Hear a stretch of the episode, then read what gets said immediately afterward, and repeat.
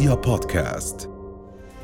موجز الأخبار من رؤيا بودكاست. أطلقت دائرة الأحوال المدنية والجوازات وبالتنسيق مع شركة البريد الأردني ودائرة قاضي القضاة تسهيلات إضافية جديدة للمقدسيين.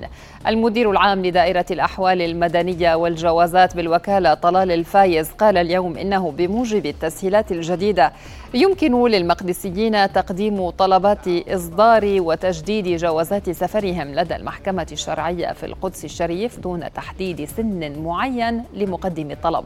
كما سمحت التسهيلات الإضافية للمتزوجة من مواطن مقدسي وتحمل جواز سفر مؤقت ضفة غربية تسمح لها التقدم بطلب تجديد سفر جواز سفر لها حصرا من خلال المحكمة الشرعية في القدس الشريف شريطة أن تكون حاملة للهوية الفلسطينية.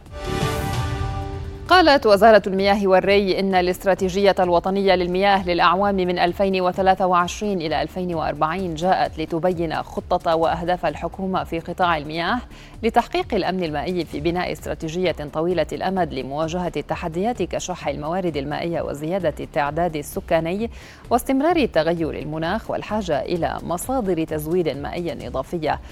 هذه الاستراتيجية الوطنية للمياه تركز على تخفيض الفاقد المائي بنسبة 2% سنويا والوصول إلى نسبة 25% بحلول عام 2040 ورفع كفاءة الطاقة وخفض كلفها وزيادة الاعتماد على الطاقة البديلة إلى جانب البحث عن مصادر غير تقليدية لتحسين التزويد المائي واستدامتها كمشروع الناقل الوطني. قال ممثل قطاع الصناعات الغذائية في غرفة صناعة الأردن محمد الجيطان إن الأردن يتمتع باكتفاء ذاتي في بعض الأصناف الغذائية الرئيسية كالدواجن والألبان.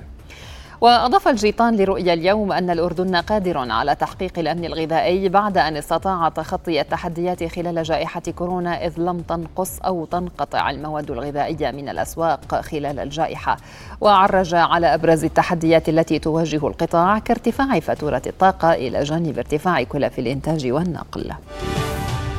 بدأت قوات الاحتلال الإسرائيلي اليوم تدريبات عسكرية في مناطق شمال هضبة الجولان المحتلة وسهل الحولة هذه التدريبات تأتي في ظل توتر الوضع في الجولان في أعقاب مناوشات بين مواطنين وناشطين لبنانيين وبين قوات الاحتلال عند الحدود وتحديدا عند مزارع شبعة على إثر تنفيذ جيش الاحتلال أعمالا هندسية ومنشر الشائك واتهامات لبنانية بأن قوات الاحتلال توغلت في الأراضي اللبنانية.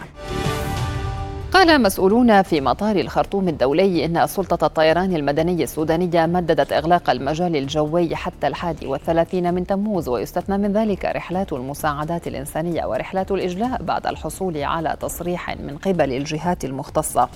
وأغلق المجال الجوي السوداني أو أغلق أمام حركة الطيران بعد نشوب الصراع المسلح بين الجيش السوداني وقوات الدعم السريع شبه العسكرية في منتصف نيسان الماضي.